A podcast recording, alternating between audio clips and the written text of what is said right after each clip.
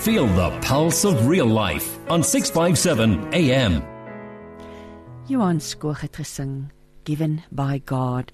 'n Hartlike goeie môre aan iedereen en elk wat ingeskakel is. Dis tyd vir met hart en siel. Ek is Christine Ferreira en soos altyd kuier ons hier op 'n Dinsdag tot 11:00 op Radio Kansel en Kaapse Kansel. Nou vir oggend kuier ou bekende pastoor Marielde Vos by my in die ateljee.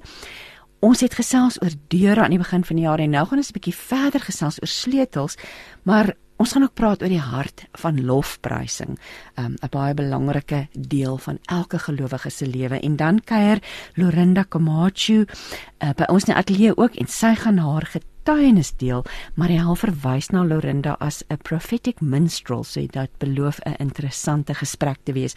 Ons gaan gesels met Estelle Resou oor 'n besonderse vroue konferensie op Parys in die Vrystaat wat aan die begin van Maart aangebied word en gebedstapper Piet Becker bring vir ons 'n kort boodskap al die pad uit Lindley en ons tyd ons program af met 'n stilte tyd meditasie deur Melanie Vosloo. So, dit is ons program in 'n neutedop bly gerus ingeskakel vir sielskos en inspirasie. En natuurlik is jy welkom om saam te gesels. Dit is vir ons verskriklik lekker om van jou te hoor. Jy kan vir ons 'n WhatsApp stuur 082 657 2729. Ek begin ons program vanoggend met Psalm 100, 'n Psalm vir lofprysing en ek lees vir ons uit die boodskap. Die hele wêreld moet die Here loof en aanbid. Dien hom met vreugde. Gaan na hom toe. Sing vol blydskap en opgewondenheid. Jubel dit uit dat die Here die enigste God is.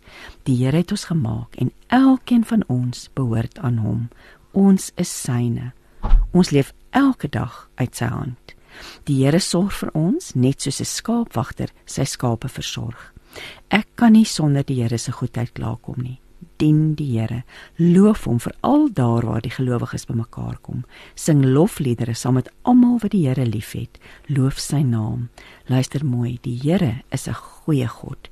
Hy sal ons wat in hom glo nooit ophou lief hê nie. Hy is 'n goeie God nou en vir altyd. Dit is Psalm 100. Môre Mariel. Môre Christine. So lekker dat jy hier kuier en good morning Lorinda. Good morning. Wow, welcome in the studio en welkom Mariel. Dankie. Kan nie glo ons het alweer 'n hele paar weke gelede gesels oor die deure nie. Maar vandag gaan ons dit verder vat. Ons gaan praat oor die sleutels, die die tema vir die jaar. Wil dit voorkom dat dit 'n jaar van geopende deure is? Mariel, jy wil graag weer net so 'n bietjie raak aan die sleutels het jy. Ag aan die deure het jy vir my gesê voordat ons oorbeweeg na die sleutels. Wat lê op jou hart? Christine het 'n paar goed. Ehm um, ek dink die groot ene vir my is dat ons nie kan deure oop forceer nie. Ehm um, God het sy manier om vir ons deure oop te maak. Ek het 'n praktiese ervaring gehad waar ek die deur gesluit het, maar ek was op my eie planeet en toe ek klaar was wou ek die deur vorentoe en hy wou nie en ek het agtertoe en hy wou nie en ek het so 'n bietjie paniekerig begin raak totdat die penny weer geval het maar eintlik skuif hy na die kant toe en duidelik besef maar ja. ons probeer baie keer deure op ons manier oopmaak en dit werk net nie. Dis 'n wonderlike les. So nie vorentoe nie, nie agtertoe nie, maar toe heel onverwags skuif die deur. Ja, en 'n sure. ander ene gaan vir my daarop.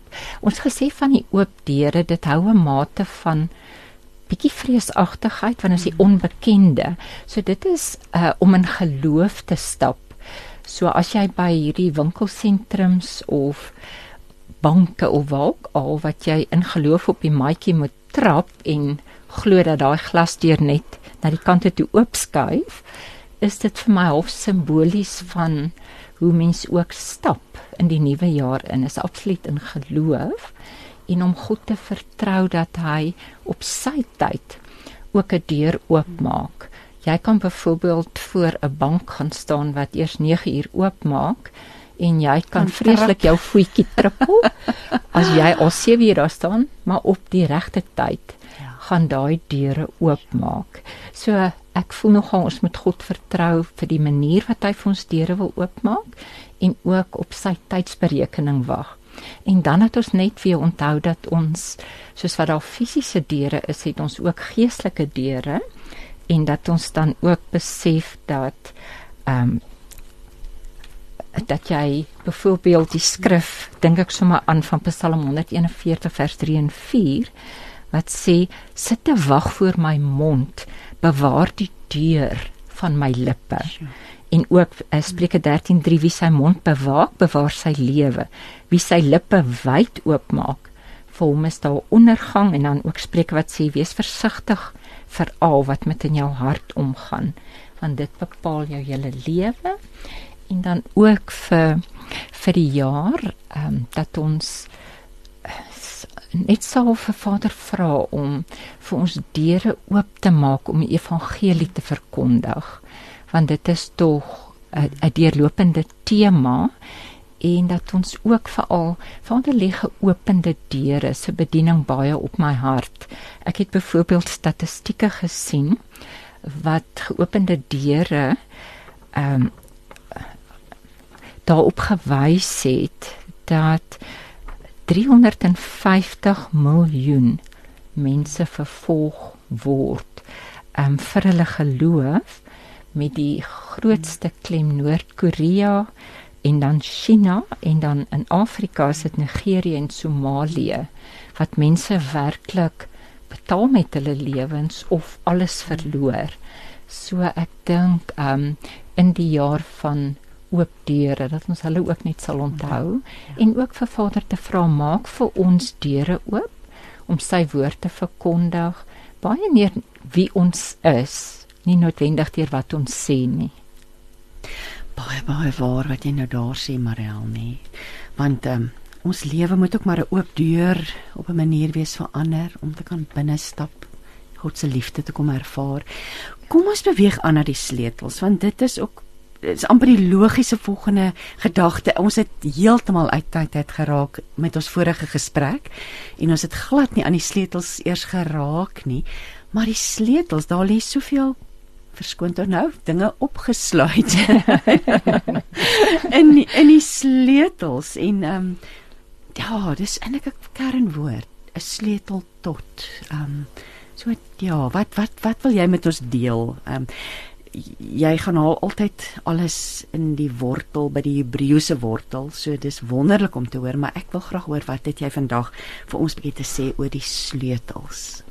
Ek het nogal 'n openbaring gehad in terme van daar was een deur wat geen sleutel gehad het nie wat die belangrikste deur ooit is wat oopgemaak is en dit was daai ehm um, klipdeur wat die engele moes wegrol voor die graf van Jesus, ehm um, sodat ons verder kan gaan is net hierdie lewe maar die ewige lewe kan beerwe deur die opstandingskrag. En as jy in, in Israel kom by die tuingraf, het hulle ook 'n deur wat sê he is not here, he is risen. Mm. En dit is vir my nogal dis iets wat my diep geraak het. En as ons by sleutels kom, is daar ook vir my interessant genoeg ehm um, twee sleutels wat jy nie van buite af kan oopsluit nie, maar net van binne af kan oopsluit. Die eerste is die sleutel wat Jesus sê in Openbaring, ek staan by die deur en ek klop. Vir ons as individu in daai konteks ook die kerk, jy moet besluit om die deur oop te maak, oop te sluit sodat hy kan inkom. En die tweede deur wat jy net kan oopsluit van binne, het ek eendag 'n visioen gehad van 'n persoon wat in die tronk sit met 'n sleutel op sy skoot en daai sleutel se naam was vergifnis. En jy sit jouself in 'n tronk deur bitterheid, onvergewensgesindheid en net jy kan daai tralie deur oopsluit deur iemand te vergewe. En dit laat my sommer dink aan toe Paulus en Silas in die tronk was en hulle die sleutel van lofprysing gebruik en die boeye het afgeval en die deure het oopgemaak en daar bekering plaasgevind en dit alles net deur daai krag wat deur lofprysing werk dan verder sleutels. Ek gaan sommer gou 'n paar skrifgedeeltes noem van Jesaja 22 vers 22 wat God die sleutel van die huis van Dawid op Eliakim se skouers lê om oop of toe te sluit. Nou in Bybelse tyd was die sleutels gewoonlik van hout gemaak en dan het hulle ook dikwels metaalpennetjies op die punt gehad om 'n slot oop te sluit. Nou die sleutels was so 6 duim tot 2 voet Jonas. en dit is op die skouers gedra. So nou dink ek onmiddellik aan Openbaring 3 vers 7 wat Jesus die sleutel van Dawid het wat oop en toesluit en niemand kan daarin verander nie. So dit is sy boodskap aan Philadelphia, verlei jou die liefde. So ons 'n bietjie praat oor die sleutel van liefde. Maar Jesus sê daai houtsleutel, so dis die dwarsbalk van die kruis wat hy op sy skouers gedra het sodat dit aan die boom vasgespijker kan word en sodat hy dan die deur van die lewe vir ons oopgesluit het. So daai sleutel impliseer liefde en dan ook redding. Dan um, is daar ook in Matteus 16:19 wat Jesus aan ons die sleutels van die koninkryk van die hemel gee om die hemel en aarde blywend oop toe te sluit. So ons het autoriteit in sy naam om sy werke te doen en 'n sleutel dan dui dadelik op vertroue en autoriteit. So ons gaan tog nie ons motor of ons huissleutel aan enige persoon gee nie. So dis vir jou 'n eer om iemand se sleutel te ontvang want hy spreek juist dan sy vertroue uit en Jesus blameer dan ook in Lukas 11 vers 52 die wetsgeleerdes wat die sleutel van kennis ontvang het.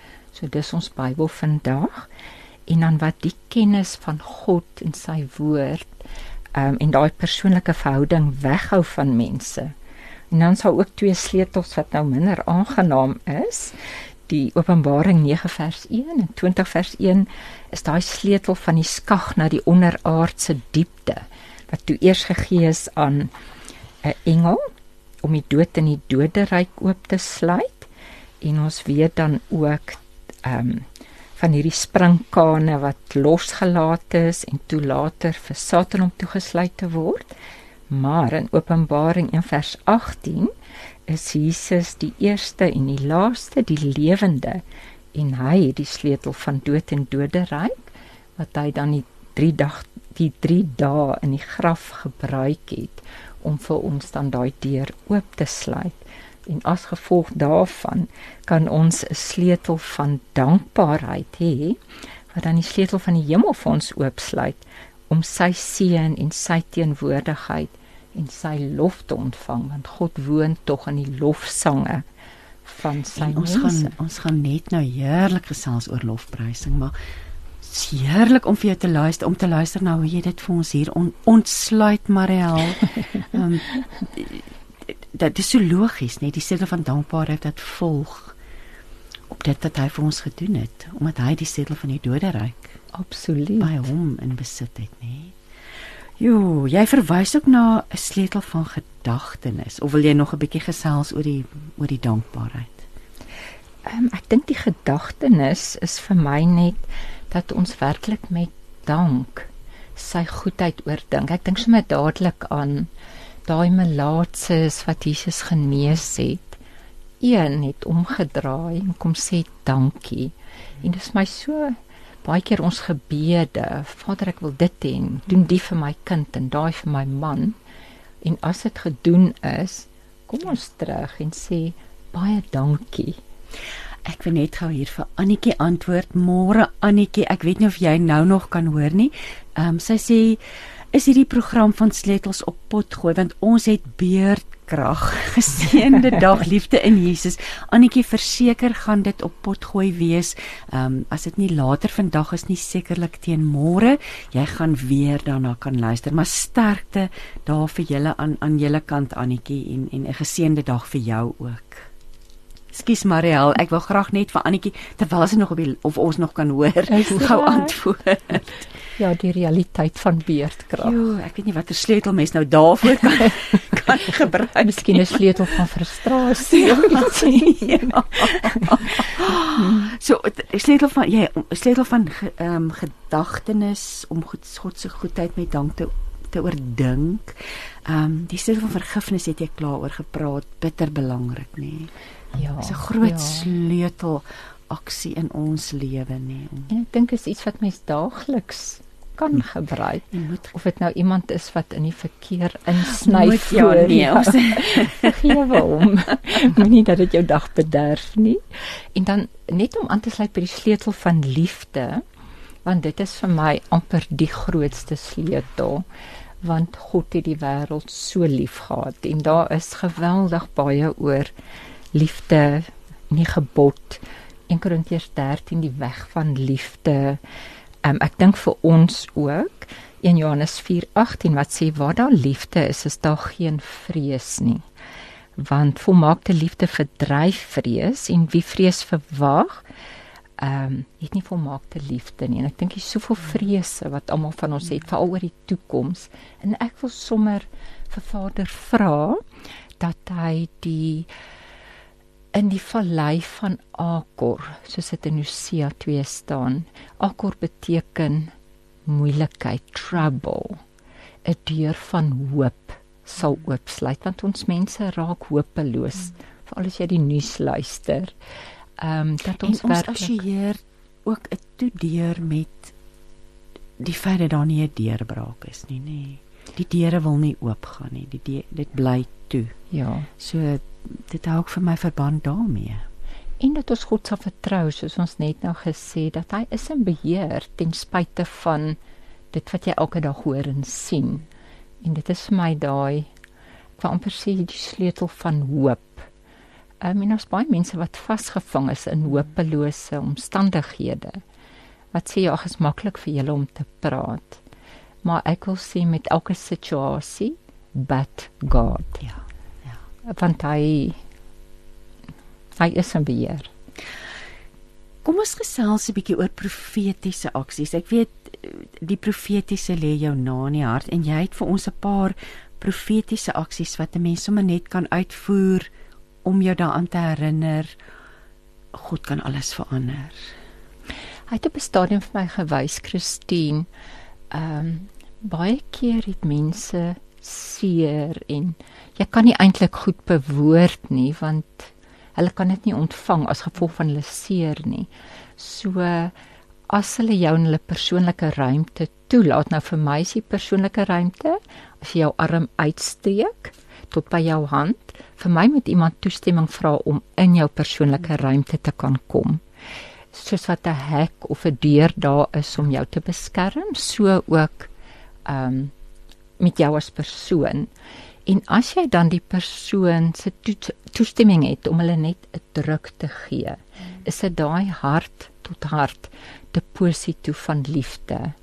'n Glimlag kan jou ook toegang gee tot 'n persoon. Dit is my altyd net baie interessant as jy iemand sien of dit nou is wat 'n teller is of wat ook al.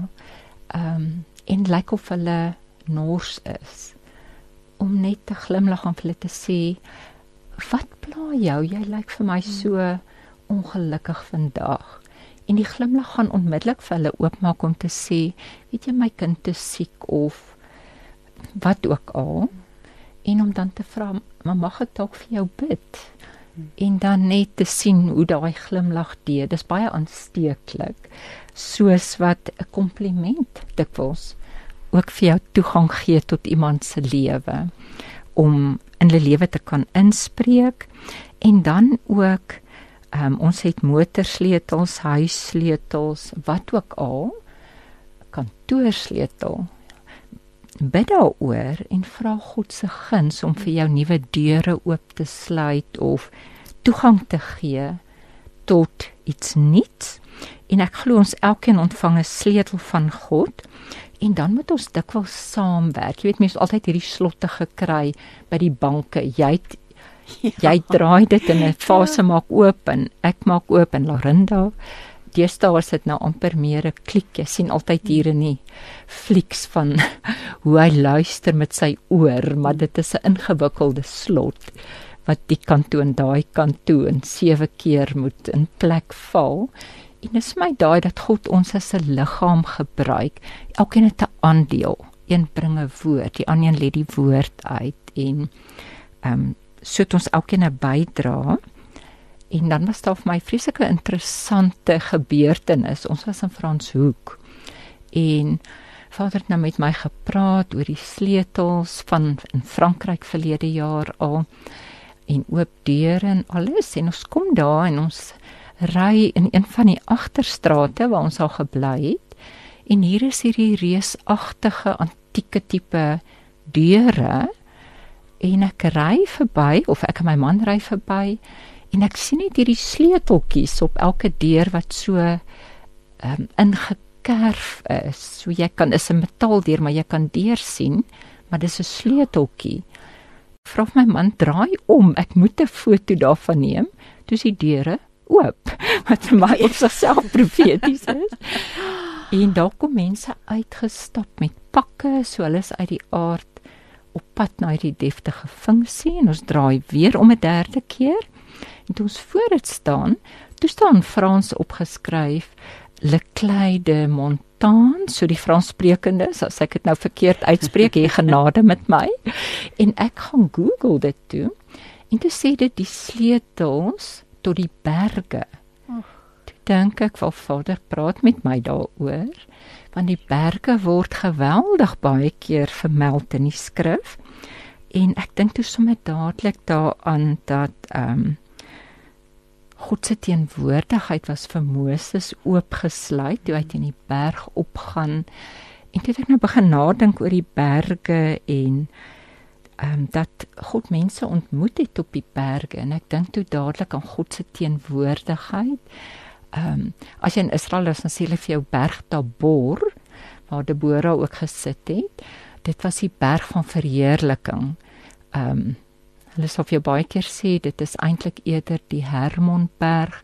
Dit maak nou nie saak nie, ons gaan nou nie twee kerke daaroor stig nie oor wat 'n berg dit was nie, maar God Jesus was verheerlik op die berg en ek dink toe dadelik as hy weer kom sy voet wat raak aan die olyfberg die oospoort wat gesluit is die deure wat oop skeur berg Moria wat Abraham vir Isak moes offer en God se stem duidelik gehoor het Dawid Elia mense wat in die berge en die rotse geskuil het. So daar's eintlik geweldig baie ehm um, plekke wat God met mense ontmoet op die berge en dan praat ek nou nie eers van die skatte wat in die berge ontgin word met mineraal. Weet jy dis nou vir my so interessant as jy sit en gesels en dis dalk iets wat ons almal kan navolg.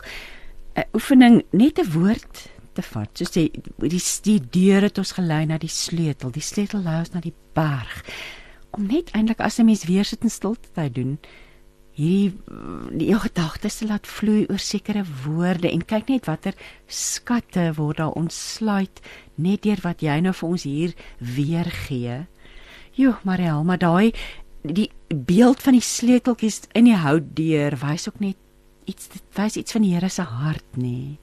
Absoluut. En dit was my so ons het so baie om na uit te sien. Ons kan deur dit loer en deur die sleutelgat kyk en daar's so ja. baie wat vir ons wag. Ja, dit is so. En ja, ek het net gevoel ook in dit alles dat Vader vertrou aan elkeen van ons se sleutel toe. Wat mense sê, ag nee, ek het niks nie. Elkeen van ons het iets. Vra hom wat presies het. Meen Barnabas het die sleutel van bemoediging gehad.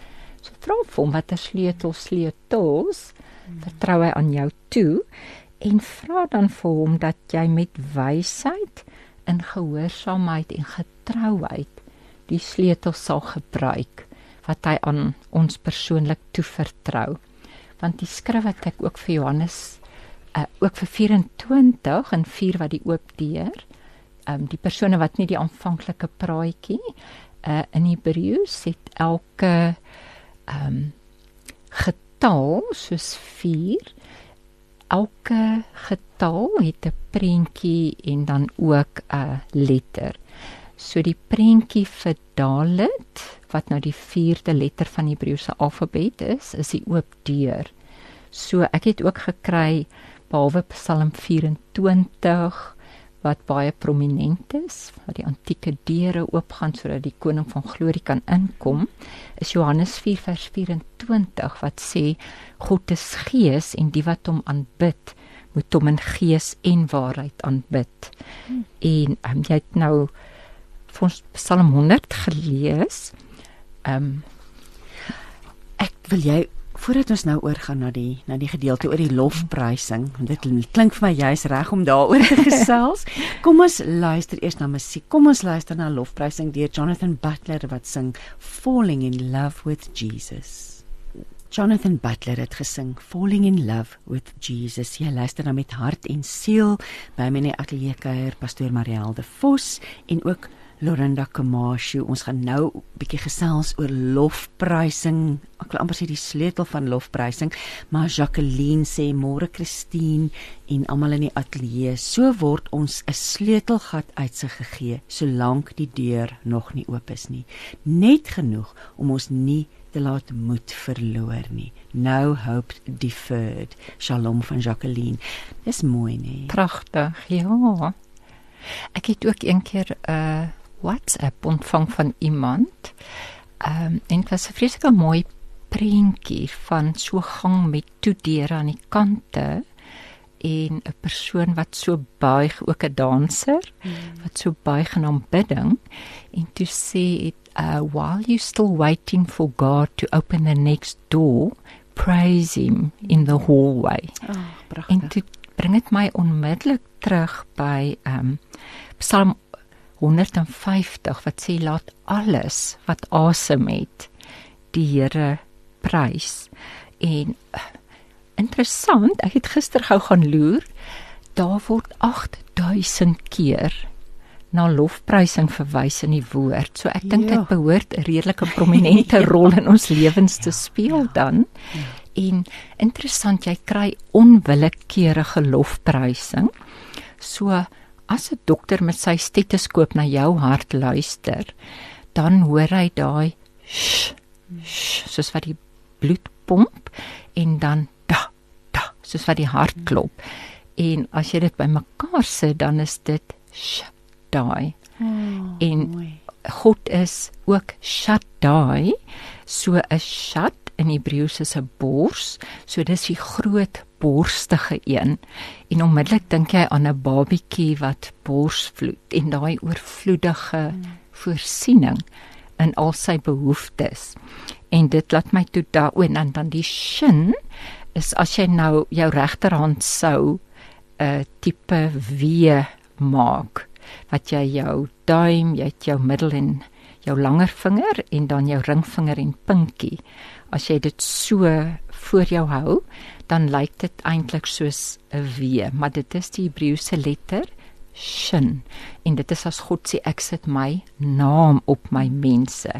Dit is so die hoofpriester altyd die seën um oor die mense uitgespreek het.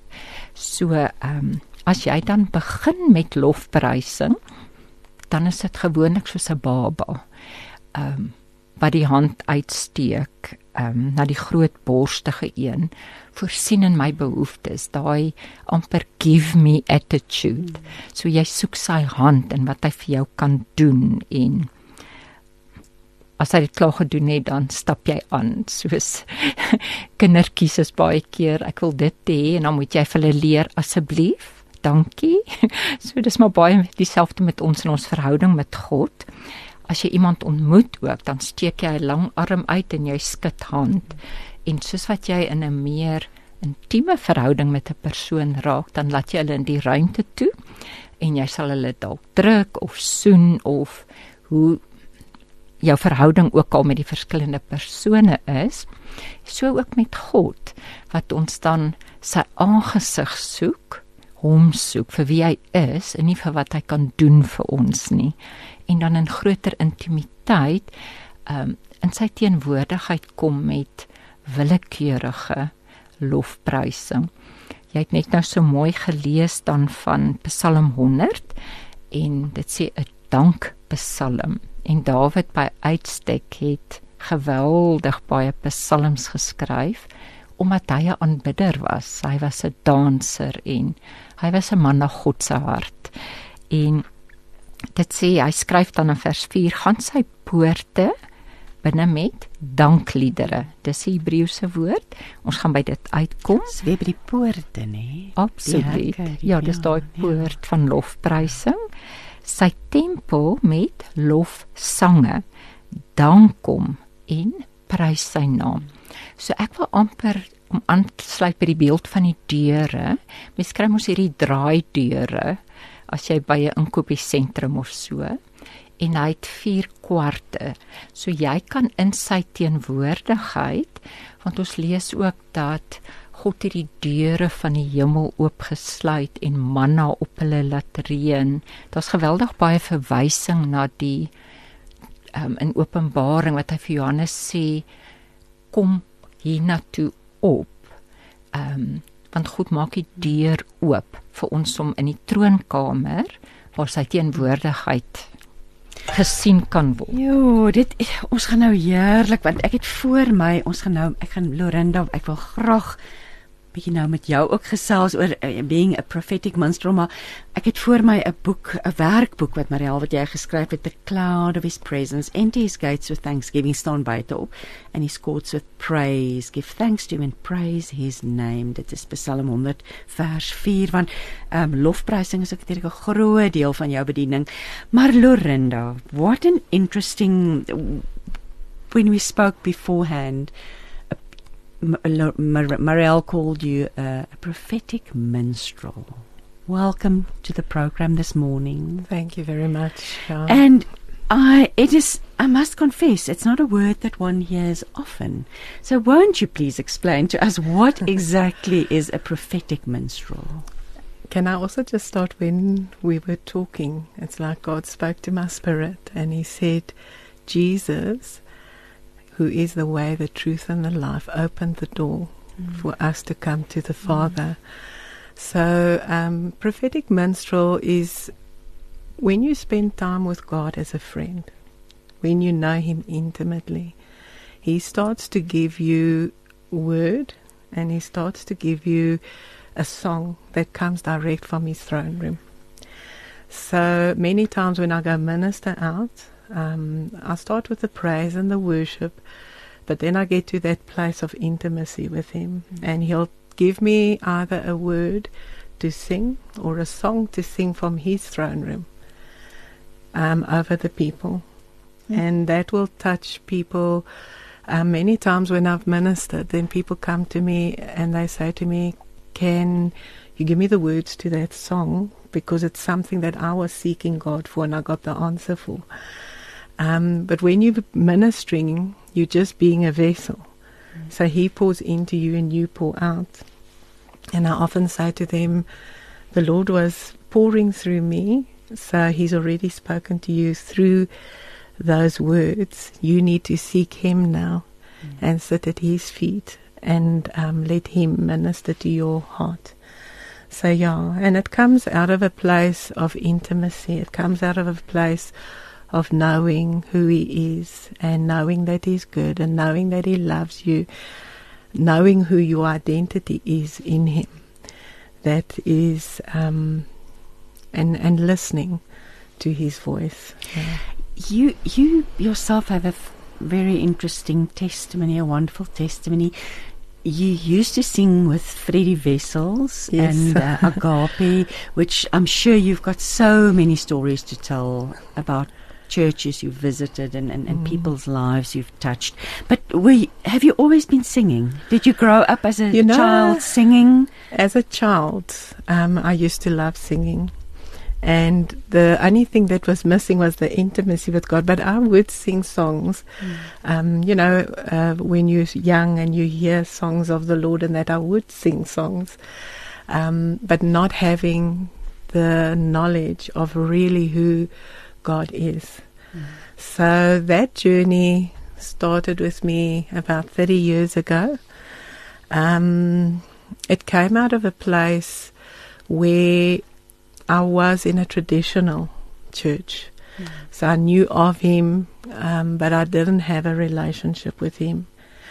And I got to a place in my life that I was completely broken, and I felt I cannot live one more day because I feel so empty and broken. There is no hope. And what I'd like the listeners to know God knows you by name. Your name is written on the palm of his hand. Um, he knows even every hair that's on your head. And in that place of desperation, I wanted to take my life. And what happened is I was planning everything already, how I was going to do it. And I get a phone call from a friend um, the day that the day before I was going to do it. The next day she phoned me, and she says we're going to a Whaley's meeting, and I said, of all meetings all to go to. and I was, my heart was like broken because I thought, now I've planned this. I don't want her to be the first person that arrives and sees me like that. But God had another plan. God but had, God, but God, yeah. So what happened is, we go to this meeting, and there's a lady there by Denise, who the Lord spoke to her and said, "I want you to attend this meeting today, and speak to a lady that I'm going to point out to because she's at a place where she's broken." Goosebumps. Yeah, and she doesn't know me. And um, you need to speak to her um, that I've got a plan and a destiny for her life, that she mustn't take her life. Mm. So what happened is we arrived there, and then there's a time that you're allowed to have coffee. And she came to me and she said to me, "Can I please speak to you?" So I said to her, "Fine," but I was wondering what's this going to be about.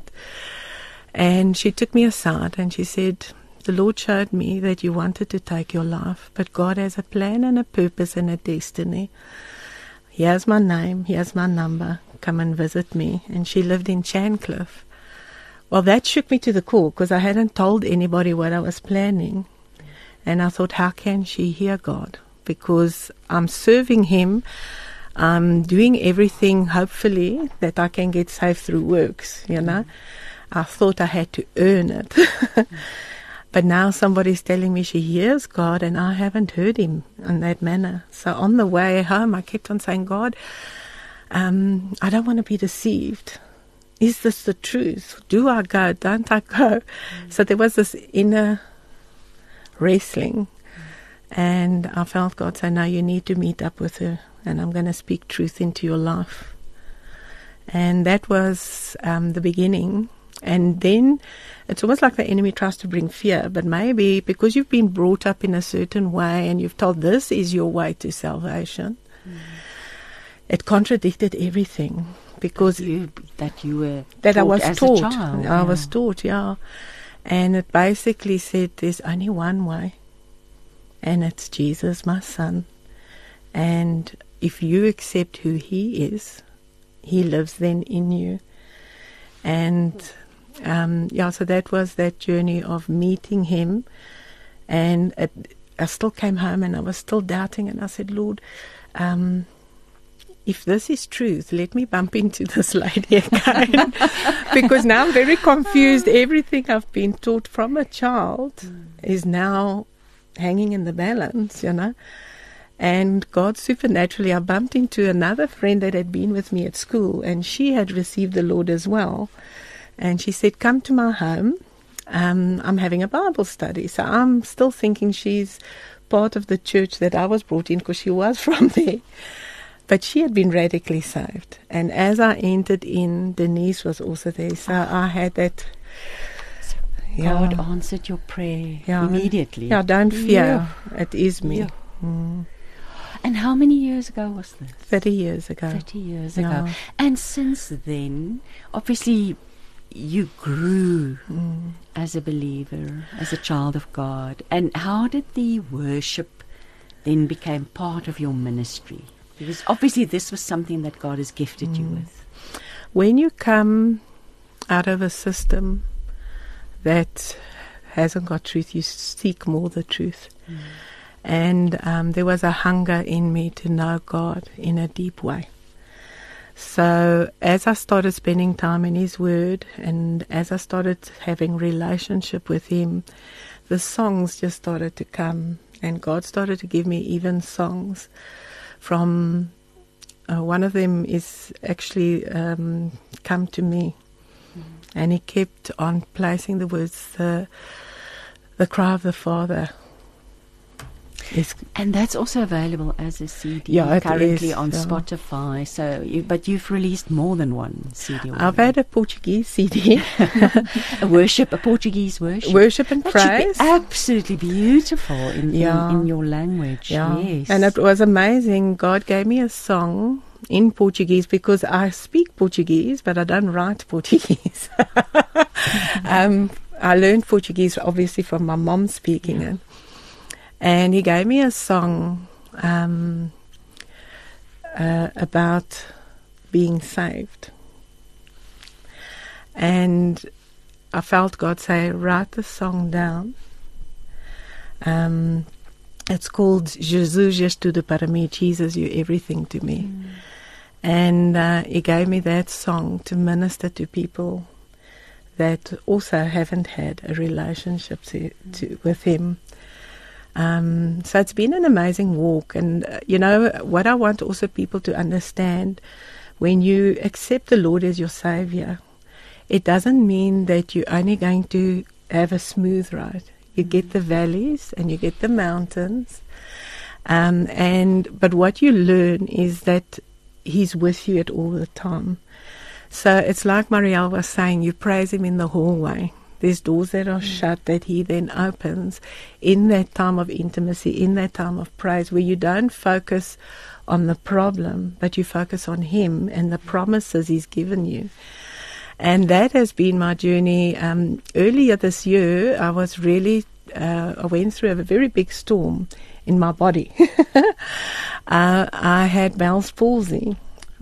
And um, it was amazing that in that storm, God spoke to me.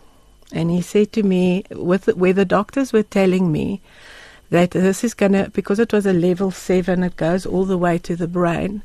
They said to me, this is going to be a long journey. It's going to be anything up to six months, and sometimes um, you're going to have to have an operation on the eye because the eye can't shut, so you're like paralyzed on the one side.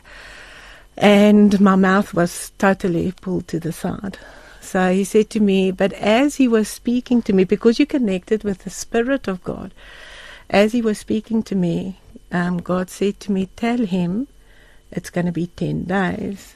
And I said, Father, he's the doctor. Um, I believe you. I don't have to tell him. and he says, Now I want you to tell him because as you speak it, then my word becomes a reality and it's going to be a testimony for him. So I did. I said, um, Doctor, I believe that this is going to be 10 days. And he was a kind man and he smiled at me. Knowingly. and uh, when he sent the OT, she said to me, Doctor's just worried you're in denial because this is going to be a process. And I said to her, her name was Anna Marie, I said, Anna Marie, I really feel God's going to do it in 10 days. Um, and it was exactly 10 days when everything came back into place. And God showed me it's important when He speaks to us to understand that He is Almighty. He is the same yesterday, today, and tomorrow. Um, but it's important to us not to just receive um, news without taking it to His throne and saying, Father, your will over this situation. I surrender to you. You are my God. You are my healer. I claim the promises that were um, where Jesus overcame by the blood and He's given us the ability to also have victory in every area of our lives. So it's been a walk of trust. It's, uh, you know, I went through another journey with my daughter with anorexia, and it was very hard um, because I knew that um, I had to learn to release her to God's hand. Um, because you want to sort out the situation. You want to try and do it yourself. And God said to me, Will you do me a favor and stay out of this? Place her on the altar like Abraham did with his son Isaac. I will do the healing, I will do the restoration, and your daughter will still um, have complete healing. And she's 21 today, and God has restored her physically, mentally, spiritually. You know, as you are speaking, what a wonderful, wonderful witness of what God's been doing in your life. And it's, and please tell me what you think about this, but don't you think that worship is almost a tool of healing It is. that God has placed in our hands? you know? And I think what God wants to restore is that love relationship. The love relationship he had with Adam before the fall. Um, he wants to bring, he wants us to understand that he's a God of love and mercy. Um, he's not a God that overrides your will, but he draws you in with love. And um, when you understand who you are, your identity has to be restored. So once my identity was restored, even though I face, all of us will face storms, all of us will face mountains. But what we need to realize is like with Jesus, he said, I've given you the authority to trample over snakes and scorpions and over all the works of the enemy. We will always be targeted by the enemy because we're God's friend and we his enemy. and, um, you know, Jesus, in the word of God, it says the enemy is like a roaring lion wanting to devour us because he hates what we've got. And what did the enemy lose? He he used to lead the people into worship in heaven. He lost that. So there will always be challenges in our lives, but if we praise God, our focus doesn't remain on what's an issue. It remains on my God is mighty. My God is is a warrior. My God is for me, not against me. He goes before me. He prepares the way for me.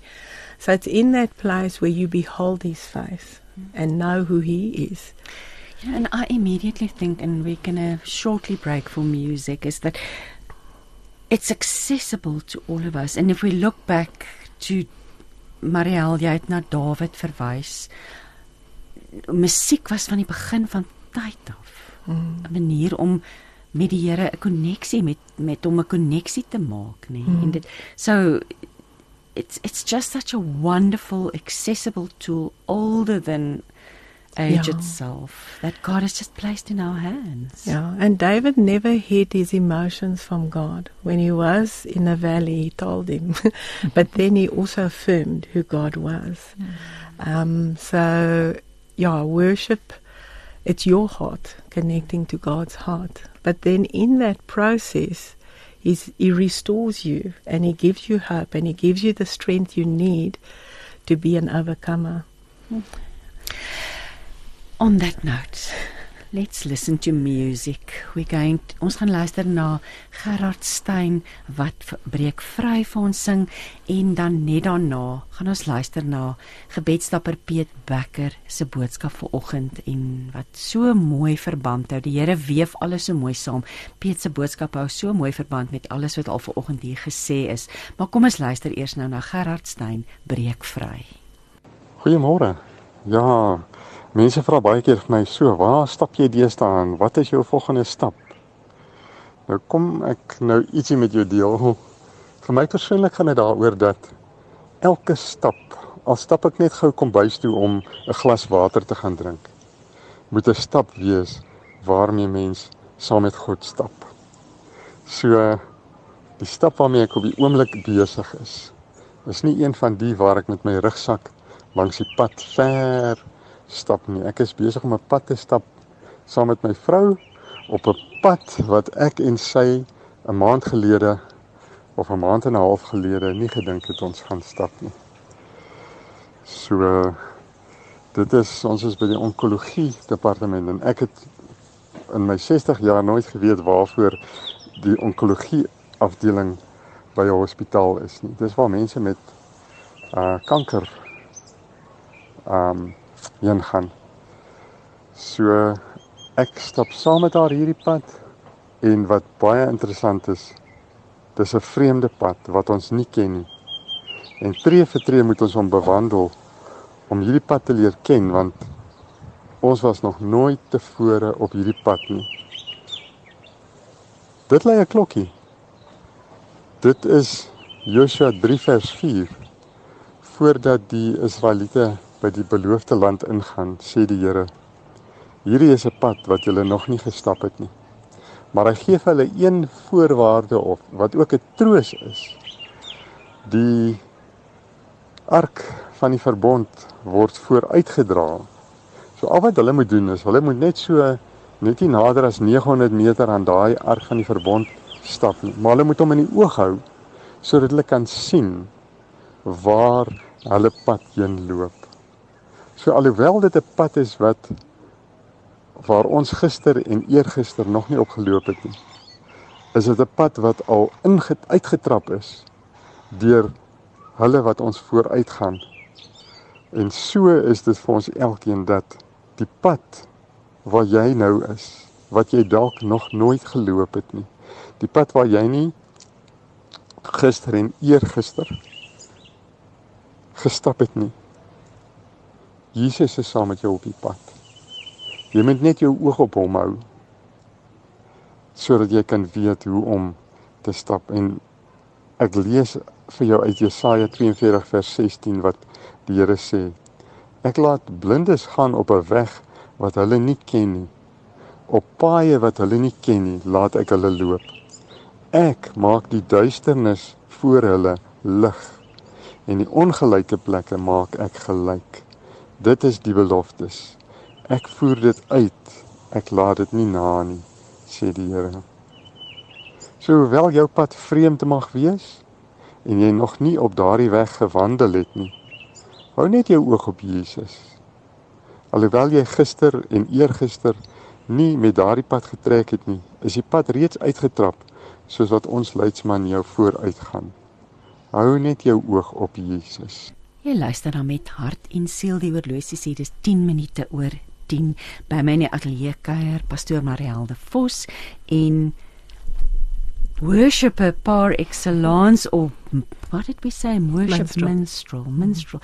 Um, um, Lorenda Kamashu um, Lorenda you've been sharing your beautiful testimony. Not not always an easy road, and and and our hearts go out to Piet mm. and Marilees with with the journey they're on. Mm. And mm. I always feel God has a has a deep um, has a plan. I know He has a plan with each program. So um, wonderful to be to be listening and to to also hear.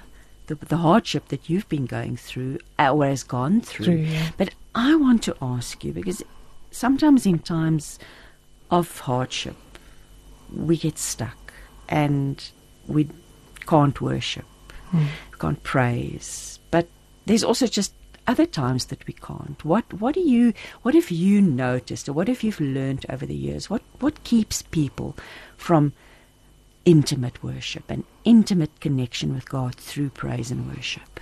I think people struggle to see themselves as a son or a daughter. And um, when a lot of people will come and say to me, um, but I don't have a good voice. God's not interested in the voice, He's interested in the heart of worship. So um, even if you don't have a, a, beautiful voice, even if you speak your your love towards Him, and um, you come before Him with a song, or you come with a scripture that you declare who He is, His Majesty the one thing God wants to reestablish is relationship that He had with Adam and Eve, um, and that you need the understanding that He doesn't uh, look down on you. You you've got an inheritance in heaven through what Jesus did. You are loved. You are treasured. Um, you are special, and each one of us, you know, God says, I've known you since you were in your mother's womb. I've known you before time. And what he longs for is a family. And family is not afraid of each other. Um, family runs to those when they're hurting, they run to those they love. And the father is always waiting there. He says, Come to me, all who are weary. Come to me. I will give you rest. Um, you know, Jesus also, he used to separate and go listen from his Father. He used to tell the apostles, um, you know, they used to see him. He used to remove himself from everybody that um, was in ministry with him, and he would go pray. And I think that is, we judge ourselves. God doesn't judge us, He loves us. And all He wants is for us to lift our hands and acknowledge Him, to praise Him from the heart. And um, yeah, I, I really believe if we understood His love and if we understood Him as a person, we would not be afraid to worship Him. And I think also, you know, a lot of the time through being in um, traditional churches, we were told to like keep our emotions in check and and God wants you to delight in him. you know, it's about delight being you know, kept on saying we must be like the little children and if you look at little children, they don't hold back anything. They run into the Father's yeah. hands. They proclaim who he is and even in in, um, in churches, when you tell children about the Lord, there's an excitement. They come back and they tell you. So I think God wants to restore intimacy, knowing who we are, and um, not being afraid to open our hearts to Him because He's not a father that rejects, He's a father that calls us unto Him. You actually put it so beautifully that you say he is worthy of my worship, and it's a place of complete surrender and awe of His majesty and love, yes. and uh, that we actually have a deep spiritual hunger to be doing this. And then you say, um, giving Him an offering of worship, no matter what storm we are facing or how we are feeling, but knowing He is in control. In that secret place, He mm. strengthens me, He fills me, restores me, heals me, protects protects me and he hides me under the shadow of his wings and gives me wisdom, knowledge, and insight. And you also say, it's the place where my spirit connects to Abba Father. Yes.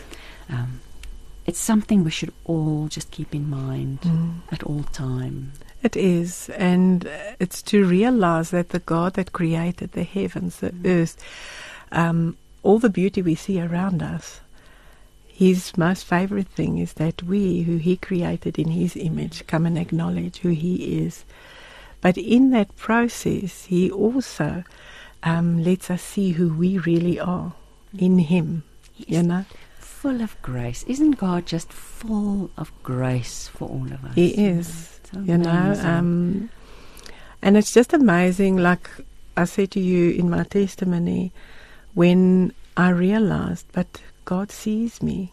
He knows me. Um, he's not a God that's far removed from me. Even though I did not know him, he so mm. longed for me to know the truth that he sent someone to speak truth into my life. So we are all known by him. We are all loved by him.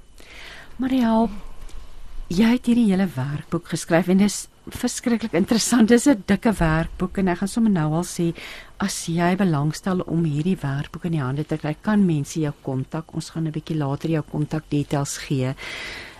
Ek wil nou vir jou vra want duidelik het jy dit bestudeer en um, wat leer die woord ons? Jy het nou gesê daar word 8000 keer verwys na lofprysing. Maar as mens nou 'n bietjie dieper delf, wat leer die woord ons oor lofprysing? Christine, ek wil eintlik begin en net sê lofprysing, as ek dit in Engels kan sê, it's not about my way or your way, it's about Yahweh. Oh, ja. En dit is daai intimiteit wat hmm. Lorinda praat, dit is daai jod. Hey, vom. Hey. Daai breath of God, die Heilige Gees om hom in gees maar ook in waarheid te aanbid en hulle gaan mekaar nooit weer spreek nie. So as prediker hou ek daarvan om na die woord, en val die oorspronklike woord, die Hebreëus te gaan, want jy kan mense lei of mislei met jou lering. So ons het net gekyk na Psalm 100 wat die dankpsalm. Ons sal sê dis soos 4 ehm um, ek wil amper sê verskillende kwarte van 'n draaideur wat jy na binne gaan, wat jy na die troonkamer gaan. En ek gaan so vinnig net kyk, daar's danksegging wat dit spreek van, dan lofsange, lofprysing. Dan is daar van dankom wat ons sal kyk. Ehm um, wat saam met die danksegging en dan om hom te prys wat saam met die lofprysing en dan een wat ons nou nie breedvoerig bespreek nie, maar dit is natuurlik gebed. Die oomblik wat jy in gebed gaan, is jy ook in sy teenwoordigheid. So die danksegging gaan primêr daaroor dat ehm um, daar's 'n paar woorde uh, wat eintlik by mekaar aansluit. So ehm um, jy kry tot daar, dan kry jy yadda wat die wortel yad, dan kry jy hodu en Jehuda. So as ons kyk na yadda, dit gaan saam met ehm um, die tot daar, dankie. Hmm. En die die woord yad is 'n hand. So yadda, hmm. uh, ja, is om jou hand. Dan kom met jou hande. Ja, ja. En dis my baie interessant um, as dit kom by hande ophef dat uh, as mense om die sportveld sit en hulle sê doen 'n Mexican wave, jy het 'n probleem. ja. Dominetjies vir al die manne. hulle hef die hande op, maar as jy in die kerk staan, jou brein beheer jou liggaam. So as jy eers hier by jou ore kom en jy sê, oh, "Wat gaan die mense sê?" Maak jou oë toe. Dan gaan jy nie sien wat hulle reaksie is nie. Want ek sê altyd worship, lofprysing, um, om God te aanbid op jou spesifieke manier wat op die woord geskool is. Um it's for an audience of one. Ja. Ek kan partykeer net diep glimlag as jy by 'n byeenkoms kom en hulle sê vir jou O, is jy hier om ons te vermaak met Oei, dans? As jy gaan as jy nou gaan koor dans want dis een van die dinge wat jy doen is ja, lofprysing deur dans. dans ja, vra hulle as jy hier om ons te vermaak. soort van nee, die feit dat jy toevallig hier is, is maar dit is. Ek kom om God te aanbid. Ja. En ons definitief daai intimiteit mm voordat ek op 'n Woensdag 'n Bybelstudie aanbied, is my tyd 3 kwartier ek dans voor God. Hmm. Want dit is vir hom as daar dan 'n groter gehoor hmm. is en mense is teenwoordig. Wonderlik. Hmm. want daar is ook 'n plek vir korporatiewe aanbidding, ja. soos in die kerke. Ja. Maar om dan nou terug te kom, so jat is dan om jou hande uit te strek na God, na bo. Vreeslik interessant vir my is hodu en toda is albei lofprysing maar hodu is ook die woord vir kalkoen. En toe besef ek vir die eerste keer hoekom die Amerikaners as hulle hulle Thanksgiving het, dat ja. hulle kalkoen eet want hulle verstaan die verband tussen om dankie te sê en as dit nou kalkoen ook beteken, dan, dan maak dit net sin om die twee ja, bymekaar te sit. En dan je hoe da, jy kan weer dit beteken om te lofprys en dan die stam van Juda, Jehuda.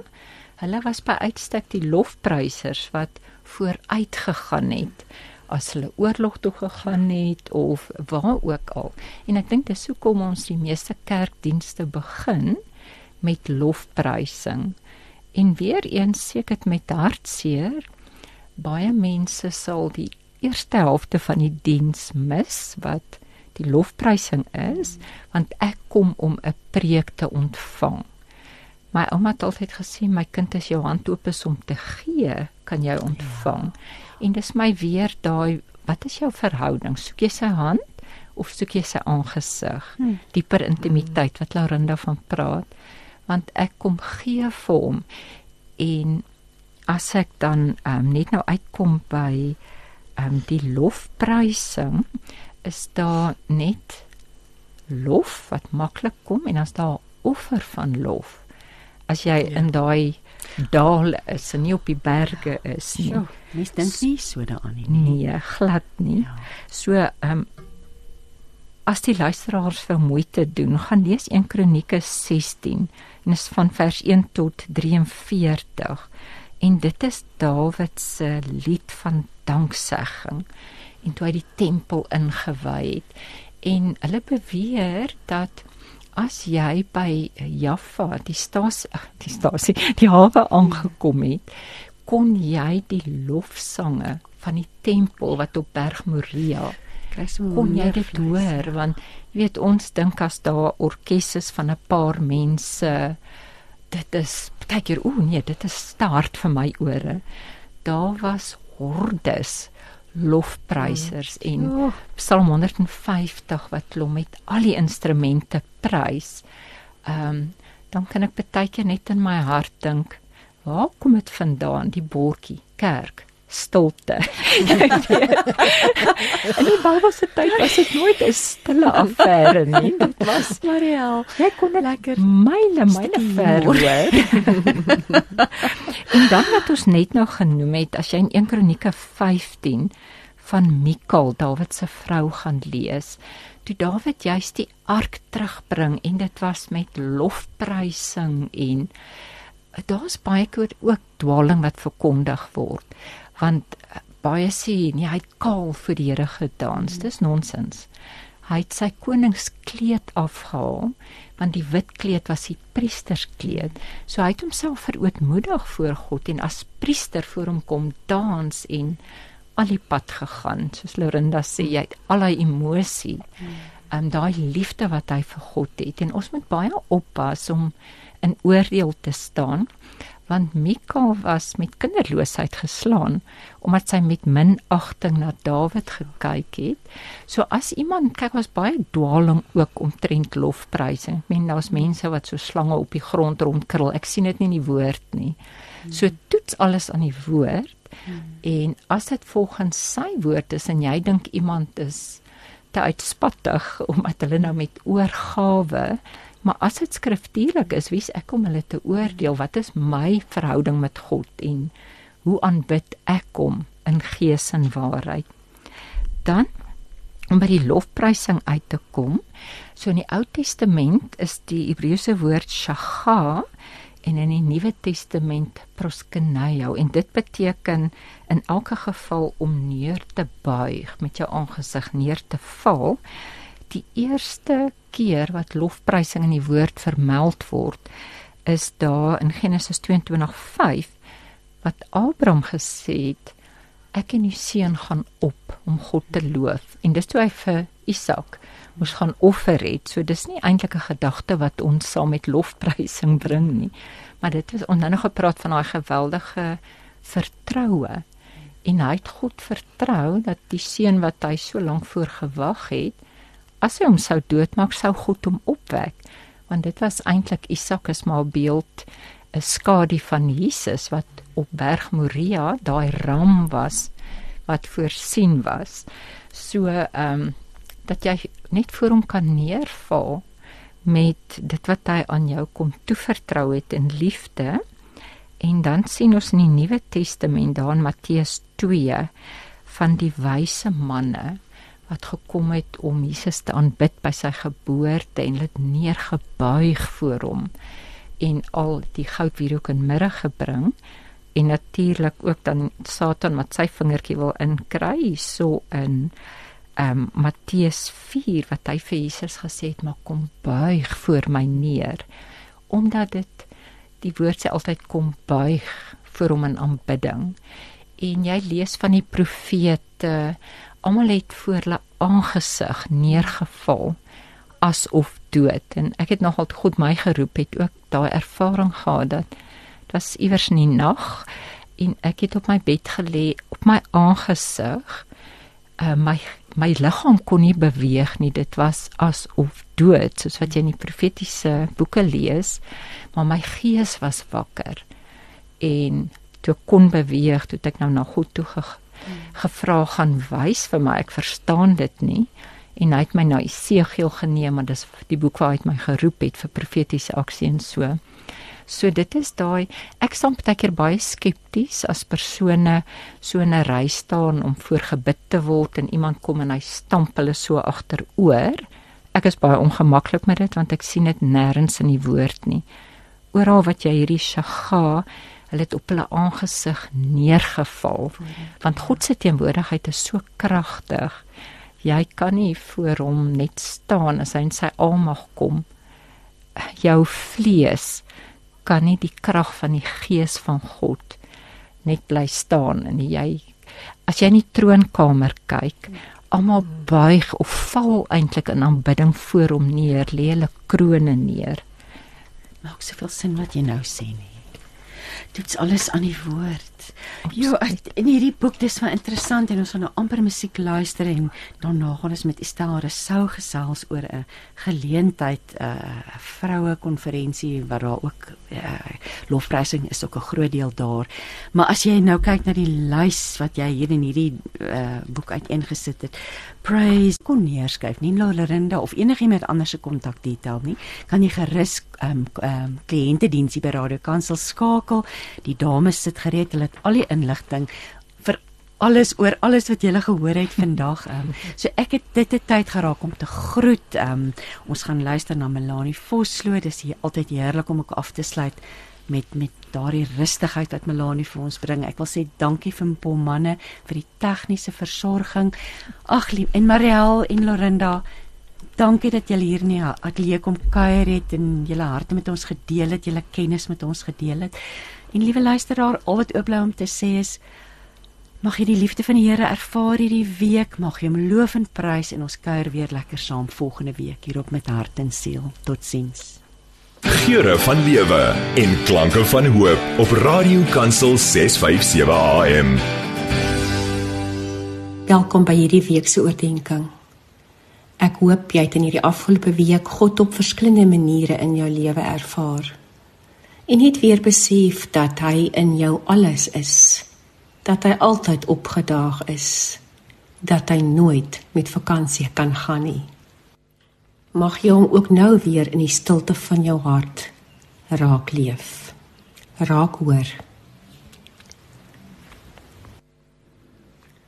Op 7 Desember 1988 neem Samuel en Danel hul seun Armand soos elke oggend skool toe en soos ouer gewoonte kniel Samuel voor sy seun, hou hom vas en sê vir hom: Jy moet onthou, ek sal altyd daar wees vir jou.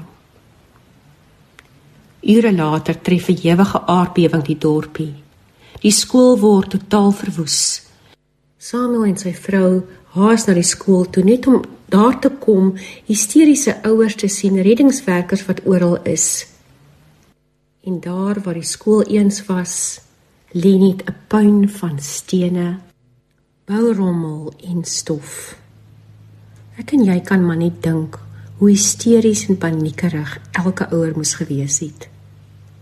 En dis toe wat Samuel besluit dat hy self Armand gaan probeer soek. Hy het na die plek geloop waar Armand se klas was en met sy eie hande begin grawe stuk stuk het hy stukke stene, bourommel weggedra. Hoe meer reddingswerkers hom probeer weghou het, hoe meer het hy gesê ek gaan self ook na my seun soek. Reg deur die nag het hy gewerk. Die volgende oggend was sy hande bloedbelope. Hy was gedaan, maar niemand kon hom wegkry nie. Hy bly grawe. En is toe wat hy op 'n groot balk afkom. Luister en hoor dat hy 'n stem hoor. Help! Help! Hoor hy 'n sagte stem. Dadelik het die brandweer en almal natuurlik kom help om die groot balk weg te dra. En is toe wat Samuel deur 'n klein gat kyk en sy seun se bang, maar tog ook dapper oë sien. Gou is die rommel so weggedra dat daar 'n gat was waardeur Armand kon klim. Samuel sy hand uitsteek om sy seun uit te trek, sê Armand vir hom: "Nee pa, wag eers dat die ander kinders eers uitkom. Hier's nog 13 ander." En pa is verskriklik bang, maar ek het die heeltyd vir hulle gesê hulle moenie bekommer nie. Van my pa het gesê hy sal altyd daar wees vir my. 14 kinders word daardie dag wonderbaarlik gered omdat een pa gedetermineerd was om sy kind te vind. Een pa wat nooit ophou soek het na sy kind nie. Dalk het jy ook al beleef dat daar iemand in jou lewe is wat op so 'n manier by jou staan, jou ondersteun, in alles by jou is. En weet jy dat die persoon of persone altyd daar sal wees vir jou? Maar dit mag ook wees dat jy al 'n paar keer in jou lewe in die steek gelaat is self sinies is oor die hulp van ander mense. Van een ding kan jy egter seker wees. Jy het 'n Pa, die almagtige God wat altyd daar vir jou sal wees. Hy, die getroue groot God, sal daar vir jou wees ongeag wat jou lewe inhou. Ongeag die hoogtepunte, ongeag of jy op die dakke staan en hom wil loof en prys, ongeag of jy in 'n gat onder die rommel van die lewe lê, is God daar. Hoor weer vanoggend die belofte van God in Deuteronomium 31 vers 8. Moenie bang wees nie en bly altyd vol moed. Die Here gaan saam met jou. Hy sal jou nie in die steek laat nie. Jy is nooit alleen nie. Vind vandag rus in die wete dat God altyd daar is vir jou. Vandag, môre, altyd. Kom ons bid saam. O grootte getroue God, dankie dat ek vandag maar net weer in groot afhanklikheid voor U kan kniel. My hand kan uitsteek in die wete dat U daar is vir my. Dankie dat U by my is op cloud 9 as ek gelukkig en tevrede is en as dit goed gaan met my. Maar dankie ook dat U my bly soek wanneer ek onder die rommel van myself en die wêreld weggekruip lê, bang is, eensaam is. Dankie Here dat ek weet U sal altyd daar wees vir my. Oh, Amen. Feel the pulse of real life on 657 AM.